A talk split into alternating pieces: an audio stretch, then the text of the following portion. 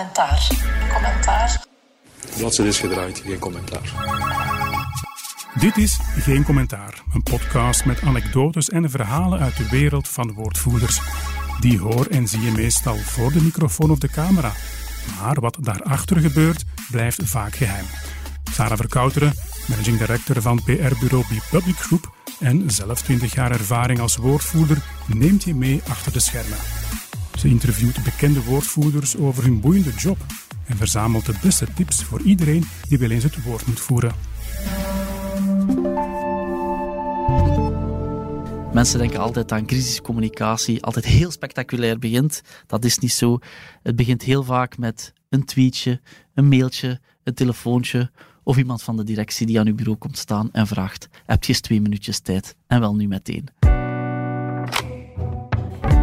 Mijn gast vandaag is Jan-Pieter Boots, woordvoerder van Studio 100. Jan-Pieter werkte eerst zo'n zeven jaar als producer bij productiehuizen en daarna ging hij aan de slag bij Boek.be als organisator van de boekenbeurs.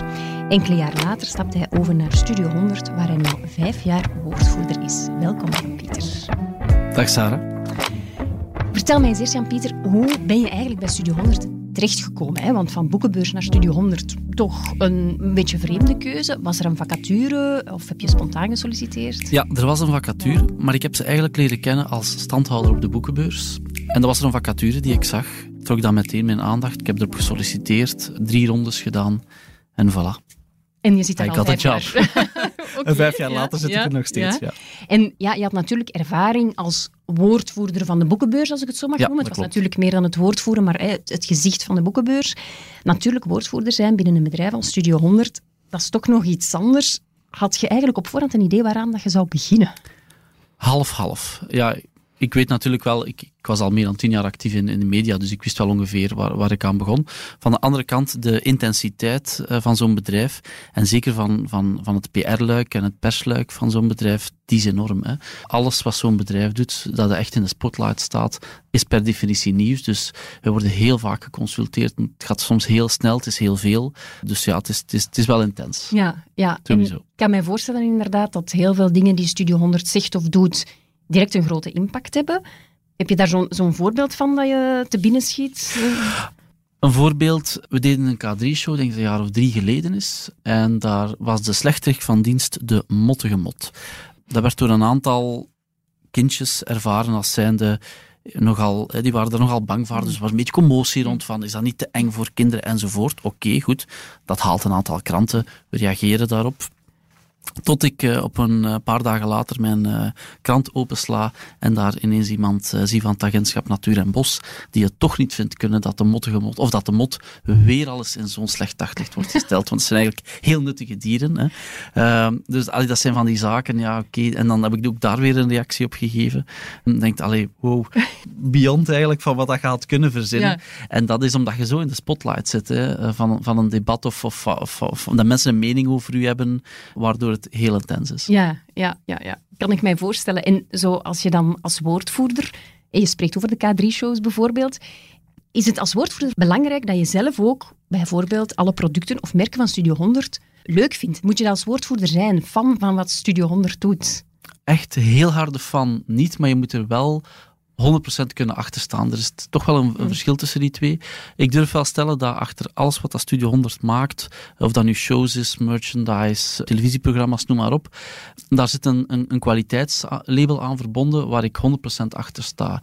Dat wel. Van de andere kant is het ook wel gezond om, om, om enige afstand te hebben, eh, om altijd nog die kritische blik erop op te kunnen werpen. Een anekdote, ik was, voor ik bij Studio 100 werkte, eigenlijk nog nooit in een plopsapark geweest. Hè. Dat is natuurlijk een van de eerste dingen dat ik gedaan heb als ik eh, in dienst kwam. Ja. Maar enige afstand is, is soms ook wel goed, hè, om er op een nuchtere manier naar te kijken. Dus, maar van de andere kant, met de jaren, ja, dat wordt allemaal bij ons in huis ontwikkeld. Dus je bent wel emotioneel ook wel voor een stuk betrokken en, en dat wordt kleiner en kleiner. En uiteraard ben ik, ik zou eerder durven zeggen, supporter Ja. eh, van op de Ja. eerste rij dan, ja, dan het woord fan te gebruiken.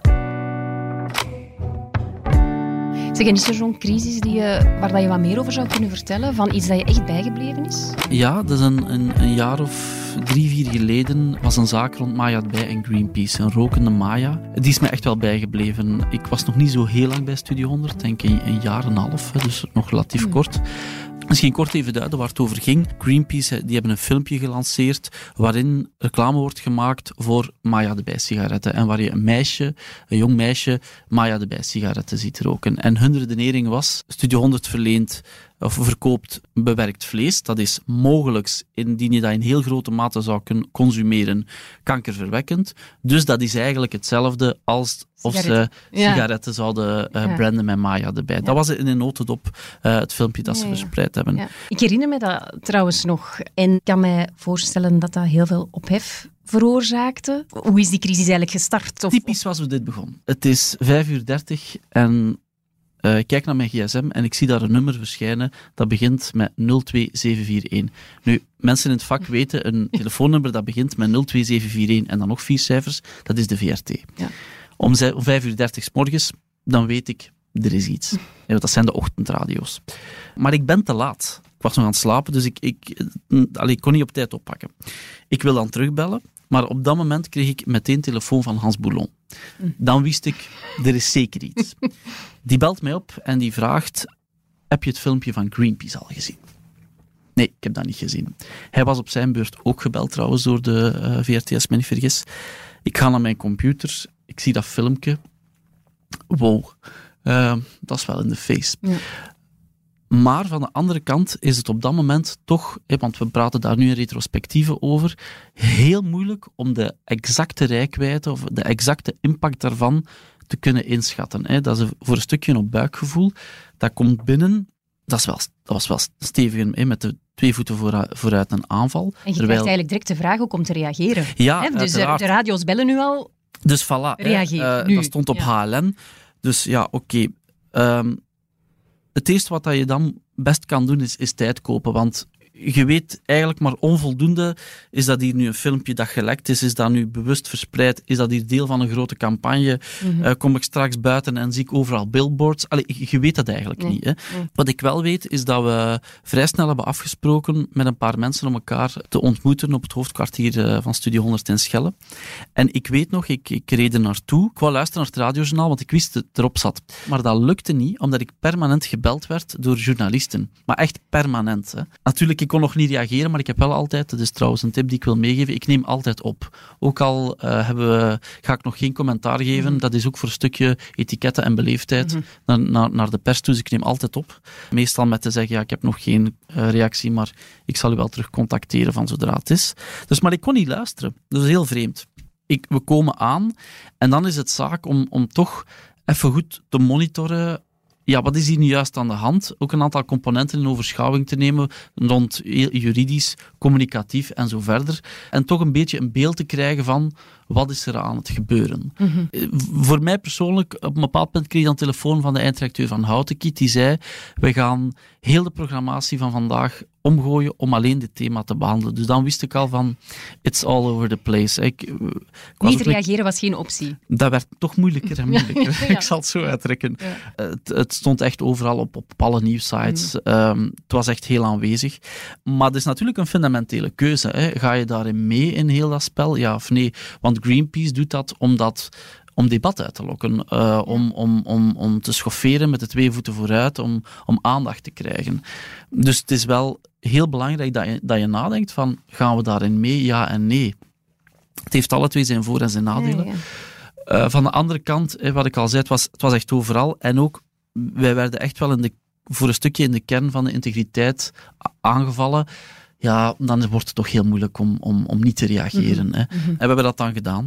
Eerst met een, eh, een korte, een korte Belga-mededeling, zodat je heel snel alles verspreidt naar iedereen. Ja. En dan zijn wij begonnen aan een interviewmarathon. En wie heeft dat interview eh, Dat, eh, dat is Hans Bourlon die dat Nee, heeft gedaan. direct de hoogste in rang die Ja. je voorop schuift? Dat, Dat is- dat is eigenlijk een beetje atypisch eigenlijk Dat is in atypisch, crisissituaties. absoluut. Dus Ja, waarom ehm, is dat een bewuste keuze geweest? Ja, toch wel. Dat zit ook een beetje in het DNA van ons bedrijf, de cultuur van ons bedrijf. Dus dat is echt wel een bewuste keuze. Moesten we in een andere sector gezeten hebben met CEO's die iets minder op de voorgrond uh, treden, zouden misschien een andere keuze gemaakt mm. hebben, of wel, waarschijnlijk wel zeker. Maar in deze was dat toch vrij duidelijk uh, dat we meteen Hans naar voren gingen schuiven. We zijn aan een hele interviewmarathon begonnen, dus moet u voorstellen, dat is dan uh, alle kranten, maar ook persbureaus, tv-interviews, alle cameraploegen zijn mooi langsgekomen. Zo echt naar die piek van één uur. En dan gebeurt er iets heel vreemd. Het is dan, hè, je moet rekenen, je bent om 5 uur 30 wakker gebeld tot 1 uur quasi non-stop eigenlijk en maar bellen, en maar sms'en, en maar mailen. En dan, dat, ik heb dat al een paar keer meegemaakt, dan gebeurt er iets heel vreemd, dan valt dat dus stil. Zo rond eh, één uur kijk je alle journaals nog, nog eens de kranten checken. En vanaf twee uur wordt het zo verdacht. Ik vind dat altijd heel vreemd. Het is zo intens geweest. Verdacht, verdacht ja, eigenlijk zo verdacht. ja, die telefoon die rinkelt dan plots niet meer. Uh, geen berichtjes niet meer, dus dan wordt dan zo verdacht stil. En dan weet je, rond 4, 5 uur trekt die molen zich weer op gang naar de piek van 7 uur dan. En dan heb je de, de duidingsprogramma's ter zake, de afspraken enzovoort. Maar had je, had je wel het gevoel, jullie hebben dan op een gegeven moment effectief goed doorgecommuniceerd, met interviews enzovoort, alle pers bediend, had je wel het gevoel van oké, de storm hebben we kunnen beheersen. We hebben ervoor kunnen zorgen met onze communicatie dat de storm is gaan liggen. Had je, had je dat gevoel al? Ja, toch wel. Maar ik moet wel zeggen dat het echt onmogelijk is om op voorhand te voorspellen of zoiets dagen zal aanhouden of dat het een steekvlam is. Hè. Het is zo dat we door het medialandschap dat, dat altijd maar sneller wordt. Hè. De, de drie klassieke pieken hebben, morgens rond 1 uur en om 7 uur. En er zijn heel vaak dingen die, waar, die maar één piek eh, halen. Hè. Je moet maar eens luisteren naar het, het, het ochtendbulletin van het radiojournaal versus het 7 uur journaal s'avonds, dat is bijna volledig anders. Terwijl vroeger, 15 eh, jaar geleden, was dat één op één hetzelfde. Mm. Dus eh, als zo, gaat het al meer dan één piek overleven en aan meerdere dagen, dat is heel moeilijk in te schatten. Ik had toch wel van bij het begin het gevoel dat we het heel hard onder controle hadden, omdat wij ook zagen, um, toen de tijd, eh, eerst heb je zo die eerste, de harde feiten, dat filmpje en de reactie, maar wij zagen het debat een beetje verschuiven naar is dit dan wel de manier om met de twee voeten vooruit, met kinderen erbij, te schofferen om zoiets op de kaart te zetten? Hè? Een dus beetje een metadebat. Dat is een metadebat, ja. ja. Je zag dat debat wel wat verschuiven. En, en, en daar, dat is niet aan ons om daar stelling in te nemen. Mhm. Dus dat zag je wel een beetje verschuiven doorheen de dag. Ja, ja.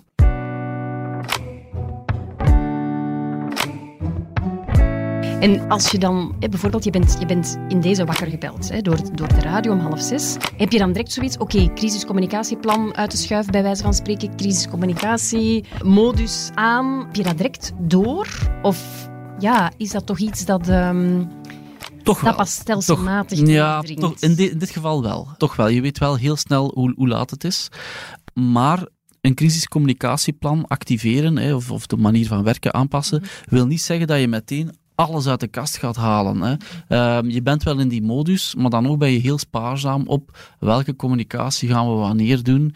Bijvoorbeeld in, in het geval van, van de Greenpeace-zaak uh, hebben wij nooit via onze eigen kanalen gecommuniceerd. Hè. Dus onze eigen social media website hebben we niet gedaan. We hebben dat enkel via de pers uh, gedaan. Dus Nee, waarom, waarom, ja, waarom die keuze eigenlijk? Om, om dat op die manier te doen, om daar niet op jullie eigen sociale media over te komen? Goh, uh, dat, dat is niet zo heel zwart-wit. Ik, wil, ik kan niet zeggen, ah ja, dan moet je dat via je eigen kanalen doen en dan niet. Dus dat, dat hangt er een beetje vanaf. Dat is een beetje op gevoel. Omdat dat heel weinig te maken had met de content waar wij op dat moment mee bezig waren. Of, eh, wij, wij zijn bezig met shows, met mensen een leuke uh, ervaring te beleven. Dus, en je wordt dan extern aangevallen en dan ga je ook het debat misschien wat meer binnentrekken in je eigen organisatie. Dat leek ons op dat moment voor, voor dat topic niet aangewezen. Mhm. Maar dat kan morgen anders zijn. Hè. Geen enkele crisis is het nee, hetzelfde. dat is absoluut waar, Sarah. dat is, kan, er zitten wel parallellen in, maar er zitten altijd kantjes in die het uniek maken. Ja. Ja, maar dat maakt, dat maakt het spannend. Hè? Dat, Absoluut, absoluut. Want als je kijkt naar bedrijven die onder vuur komen liggen, um, ja, effectief, er wordt vaak heel verschillend gereageerd. Hè. Kijk, Ferrero en, en de salmonella in, in de chocola, ja, die hebben eigenlijk heel uh, weinig, miniem gecommuniceerd. Uh, ze kregen daar ook heel veel negatieve reacties over. Langs de andere kant is de storm ook wel gaan liggen. Hè. Dus Wat zou jij organisaties in het algemeen aanraden als het gaat over zo'n crisis? Ferrero is natuurlijk een bedrijf die zelf niet heel vaak de media opzoekt. Hè. Dat, dat, is duidelijk. Hè. Terwijl in tegenstelling tot, tot andere bedrijven als Studio 100 die dat wel doen. Dus die positie ligt al sowieso anders. Maar het grote verschil bij die Ferrero-crisis is dat is een crisis die heel het bedrijf omhelst. Wat wil ik daarmee zeggen? Soms heb je communicatiecrisissen. Greenpeace, eigenlijk heeft dat qua werking van, van het bedrijf nul impact. Dat is zuiver een reputatiekwestie en een communicatiegegeven. Bij Ferrero ligt dat natuurlijk helemaal anders. Wat maakt dat er veel meer betrokkenen zijn? Consumenten, werknemers natuurlijk, niet te vergeten, personeel, een aantal andere leveranciers, een aantal andere stakeholders. Dus ik denk dat daar de minieme communicatie toch wel moeilijk ligt. Omdat je dat gemorrel ook van dat personeel hè, begint te voelen, die ook willen geïnformeerd worden. Dus ik zou in dat geval toch geadviseerd hebben om net iets meer uh, te communiceren. En vooral heel eerlijk en transparant te communiceren. Transparant wil niet zeggen dat je alles op straat moet gooien, verre van. Maar eerlijk wil zeggen dat je oprecht zegt wat er gebeurd is en dat ook uitlegt. En mijn aanvoelen is dat we de laatste 10, 15 jaar bij de publieke opinie wel een pad hebben afgelegd dat dat echt wel kan. Ik wil zeggen, de, de tijd dat de woordvoerder alleen in eufemisme sprak en de mhm. waarheid zo'n beetje moest verbloemen om het wat mooi te verkopen, dat ligt echt achter ons. Je kan echt wel zaken uitleggen, die benoemen, en mensen begrijpen dat ook. Maar ik zal een ander voorbeeld geven. 4045, spektakelmusical, grote spektakelmusical, die we ondertussen al vijf jaar spelen in het Studio 100 Pop-up Theater in Puurs. We zouden die initieel spelen op Linkeroever bij Katoenatie. We hadden dat groots aangekondigd. Ik denk dat we op dat moment ongeveer 40.000 tickets hadden verkocht. Op een bepaald moment word ik s'avonds gebeld door een journalist die mij zegt: Kijk, Jan-Pieter, ik ga dat morgen heel groot brengen dat jullie daar niet mogen spelen. Dus het zou all over the place zijn morgen. Oké. Ja, dan moet je natuurlijk communiceren. Hè. En we hebben dat toen heel eerlijk uitgelegd. Kijk, dat en dat en dat is er gebeurd. En wij kunnen daar heel waarschijnlijk niet spelen, maar wij gaan proberen zoeken naar een andere zaal. Maar heel eerlijk verteld. 10, 15 jaar geleden twintig jaar geleden zou het in eufemisme zijn. En ja, we gaan... Maar echt heel eerlijk recht door zee dat verteld. Wel, we hebben dat uiteraard rechtstreeks aan die mensen laten weten. Het aantal vragen of reacties, dat kan ik op mijn één hand tellen. En dat is voor mij het mooiste compliment geweest. Maar het vraagt natuurlijk wel durf hè, om dat als bedrijf te doen. Er zijn, er zijn heel wat bedrijven die daar eigenlijk angst voor hebben, effectief angst voor, voor, voor wat er komt. En sowieso in, in, in crisiscommunicatie of in crisissituaties is de afweging altijd van ja, goh, uh, zal het toch niet beter meevallen dan we, dacht, dan we denken? Uh, Gaan we het nu niet groter maken door ja. zelf te communiceren? En dat is altijd de vraag natuurlijk als woordvoerder, wanneer is iets effectief een grote crisis waarop je effectief moet reageren. Angst is natuurlijk een slechte raadgever in vele vallen. Hè. Ik, ik, ik, uh, ik, ervaar dat zelf ook vaak. Hè. Dat er toch een, een, bij heel wat bedrijven een, een, soort van angst is, inderdaad, wat je zelf zegt van gaan we het niet allemaal opblazen en is het niet... Dat is zo. Twee risico's die eraan verbonden zijn. Eén is dat je te laat komt en dan zit je altijd in het defensief. En twee, je kan het misschien omdraaien en zeggen, in het slechtste geval hebben we toch een goede communicatie gedaan? Of hebben we onze, onze, onze band met onze consumenten, onze, onze stakeholders, onze leveranciers weer wat aangehaald en staan wij bekend als, als, als een goede partner? Dus ik, als er echt heel veel twijfel is, raad ik aan om het meestal wel te doen, omdat je kan dingen niet meer inhalen achteraf. En als je te laat kwam, dan kwam je te laat. Als, als woordvoerder is natuurlijk het, het opmerken van een crisis heel belangrijk. Hè? Om, om te snappen van, oké, dit is hier een crisis, alle hens aan dek. Uh, we moeten even uh, focus bewaren en heel snel handelen. Ja, hoe merk je dat als woordvoerder dat je in die modus Het begint nooit zoals je denkt dat het gaat beginnen. Mensen denken altijd dat is, dat is een bom, een brand. Uh, er komt zo ineens hey, barst aan de bom. Zo gaat dat nooit. Hoe gaat het altijd? Een tweet, een sms'je, iemand van de directie die aan uw bureau komt staan en vraagt: Heb je eens twee minuten tijd voor mij? En liefst nu meteen. Zo dan begint, weet al. Ja, dan weet al hoe laat het is. Zo begint het altijd. Um, een mail, een artikel. Um, na uh, 100 dagen coronacrisis hè, had uh, het Nieuwsblad van een fantastische cover uh, op, zijn, op zijn eerste pagina het eerste artikel gezet dat ze ooit over corona hadden geschreven. Dat was een artikeltje van 5 centimeter ergens op de buitenlandpagina's. Ehm, van vijf, zes zinnen, denk ik. En ik vond dat een hele sterke cover. En vaak is het in crisiscommunicatie ook zo. Het begint altijd zo subtiel, altijd heel... En, en, en dan volgt er uiteraard een cascade, maar het is, no en, en het is nooit of toch heel weinig. Ik heb het eigenlijk nog nooit meegemaakt. Dat er zo ineens, wow, hè, het, het, het, een telefoontje, een tweet, zoiets. Het begint uh, altijd heel subtiel, maar, ja, dan, altijd, maar dan ben je wel vertrokken voor een dag waarvan ben je, wel vertrokken. niet weet hoe dat hem eindigt. Hè. Absoluut. En ik zal zelf sterker zijn, je weet, op, je weet in het begin van een crisis altijd heel weinig. Dat is, ja. ook, is altijd zo'n informatiegebrek. Je weet, er is iets gebeurd, maar wat is er eigenlijk gebeurd? Wie was er betrokken? Wat zijn de gevolgen? Dat weet je allemaal niet. En dan moet je dan allemaal gaan ontdekken. En het, het, het, het, het vreemde is dat dat loopt. Dus het moment dat je moet communiceren, dat is bijna een parallelspoor met de informatie die u doordruppelt. Dus het is niet zo dat je eerst mooi alle informatie krijgt, die je verwerkt, en dan een, een, een communicatie gaat. Was het maar waar. Hè? Ja, want dat is dan voor de, voor de communicatie-experten die, uh, die daarna kunnen analyseren. Ja, ja, dat is gemakkelijk natuurlijk. Dat is gemakkelijk. Hè? De, het, is, het is op dat moment altijd behelpen met de, met de info die je op dat moment hebt. Um, en, en dat is, geloof mij, zeer moeilijk. Ik weet, er lopen goeroes rond in de wereld die denken dat ze dat kunnen voorspellen, maar dat is heel moeilijk. Ja, en, en uiteraard, hè, dat inschatten van hoe groot of hoe klein een crisis is en wat dat je als woordvoerder dan best doet, dat is een deel, vind ik persoonlijk, buikgevoel langs de andere kant vraag ik me af, moet je als woordvoerder niet x aantal crisissen ervaren hebben, meegemaakt hebben, om dat vak van crisiscommunicatie echt onder de knie te krijgen? Het helpt wel, dat kan ik wel zeggen. Het buikgevoel kan je niet aanleren, dat heb je of dat heb je niet. Um, het buikgevoel heb je of heb je niet. En de adrenaline en de kick om dat te willen doen en daar heel rustig onder te kunnen blijven, maar daar toch energie van te krijgen, dat heb je ook of dat heb je niet. En ik zie wel dat mensen die, die daar eh, beginnen panikeren en, en, en dat het boven hun hoofd uitstijgt, die, die, die houden dat ook niet vol. Je, je moet daar echt een soort van... Dat moet je wel echt hebben. Um, en van de andere kant is het wel handig om zo een paar crisissen eens meegemaakt te hebben om ook voor een stuk te kunnen relativeren.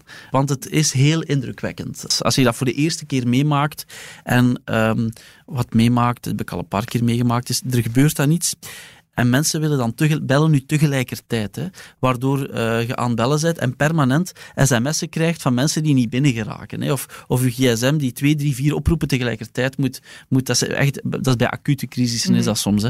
En dat, ja, dat is, dat is frappant. Hè. Of, of dat je s'avonds eens kijkt hoeveel telefoons heb ik gedaan en dat je zo op 150, 180 telefoons komt. Ik, allee. Het is natuurlijk actie-reactie. Hè? Ja, dat, is altijd. Die nieuwscyclus versnelt zichzelf natuurlijk, omdat iedereen effectief veel bereikbaarder is. En, Absoluut. en à la minuut kan ja. Uh, antwoorden kan eigenlijk niet meer onbereikbaar zijn. Hè? Zelfs als je aan de andere kant van de wereld zit tegenwoordig. Ja. Want vroeger kon je nog zeggen van, ik zit ergens in de bergen en ik heb geen ontvangst, maar dan is er tegenwoordig ja, al niet absoluut. Meer en daar moet je wel mee kunnen dealen. Hè? Zo, het, het, het, gegeven, ik, ergens in mijn achterhoofd speelt, ja, ik, ik kan altijd gebeld worden, kan altijd wel iets gebeuren. Hè? Dat speelt wel in je achterhoofd.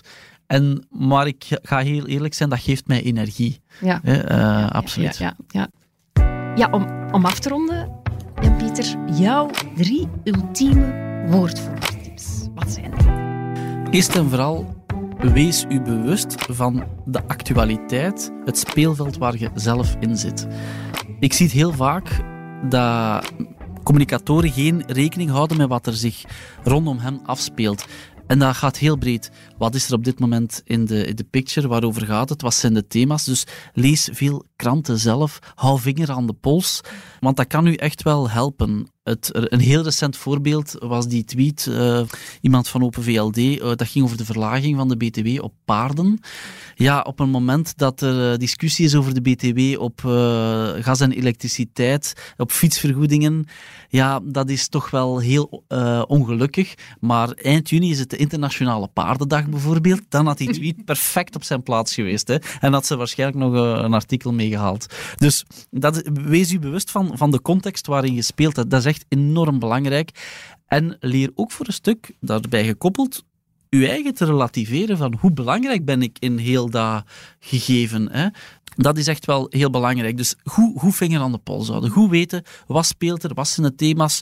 Uh, wat leeft er allemaal? Dus dat is tip 1. Ja. Tip 2, uh, impulsief reageren. En snel wil niet zeggen meteen. Dat is nog een verschil. Ik probeer altijd snel te reageren, maar dat wil niet zeggen dat als ik gebeld word, ik direct mm mijn uitleg ga doen. Hè. Even ademhalen, even goed nadenken. Um, en dat kan vaak een half uur zijn, dat kan een uur zijn, dat kan tien minuten zijn. Is babbelen met iemand, uh, even sparren. Maar gewoon niet impulsief reageren, mm. want dat kan in uw gezicht terugkomen. Ja, ja. En de derde, laatste tip? Uh, dat is een hele praktische tip, maar uh, die pas ik zelf ook consequent toe. Als je iets uitstuurt naar de buitenwereld, laat dat altijd eens nalezen door minstens iemand anders. Dat kan een collega zijn, dat kan iemand van uw directie zijn, afhankelijk van hoe de procedures in uw bedrijf lopen. Ik durf zeggen dat ik nooit iets uitstuur dat niet minimaal door iemand anders is nagelezen. Omwille van verschillende redenen. Taalfoutjes, maar goed, tot daar aan toe. Maar ook inhoudelijk, zitten we op de juiste tone of voice? Kan deze zin niet verkeerd vallen? Klopt dat wel? Is dat...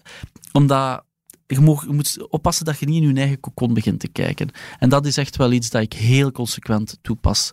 Uh, dat is een tweede lezer. Uh, of met iemand is het toch eens uh, doorgaan. Oké. Super, uh, super interessant, bedankt uh, Jan-Pieter voor dit gesprek. Ja, ik onthoud uh, vooral dat als ik nu mijn mailbox open doe of Twitter check, dat een crisis in een klein hoekje kan zitten. Dus, absoluut, ik bereid mij al, al voor. Zeer hard bedankt. Met plezier. Dit was Geen Commentaar, een podcast met anekdotes en verhalen uit de wereld van de woordvoerders. Benieuwd naar meer?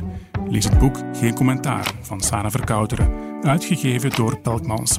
Of ontdek meer tips over communicatie en PR op bepublicgroup.be.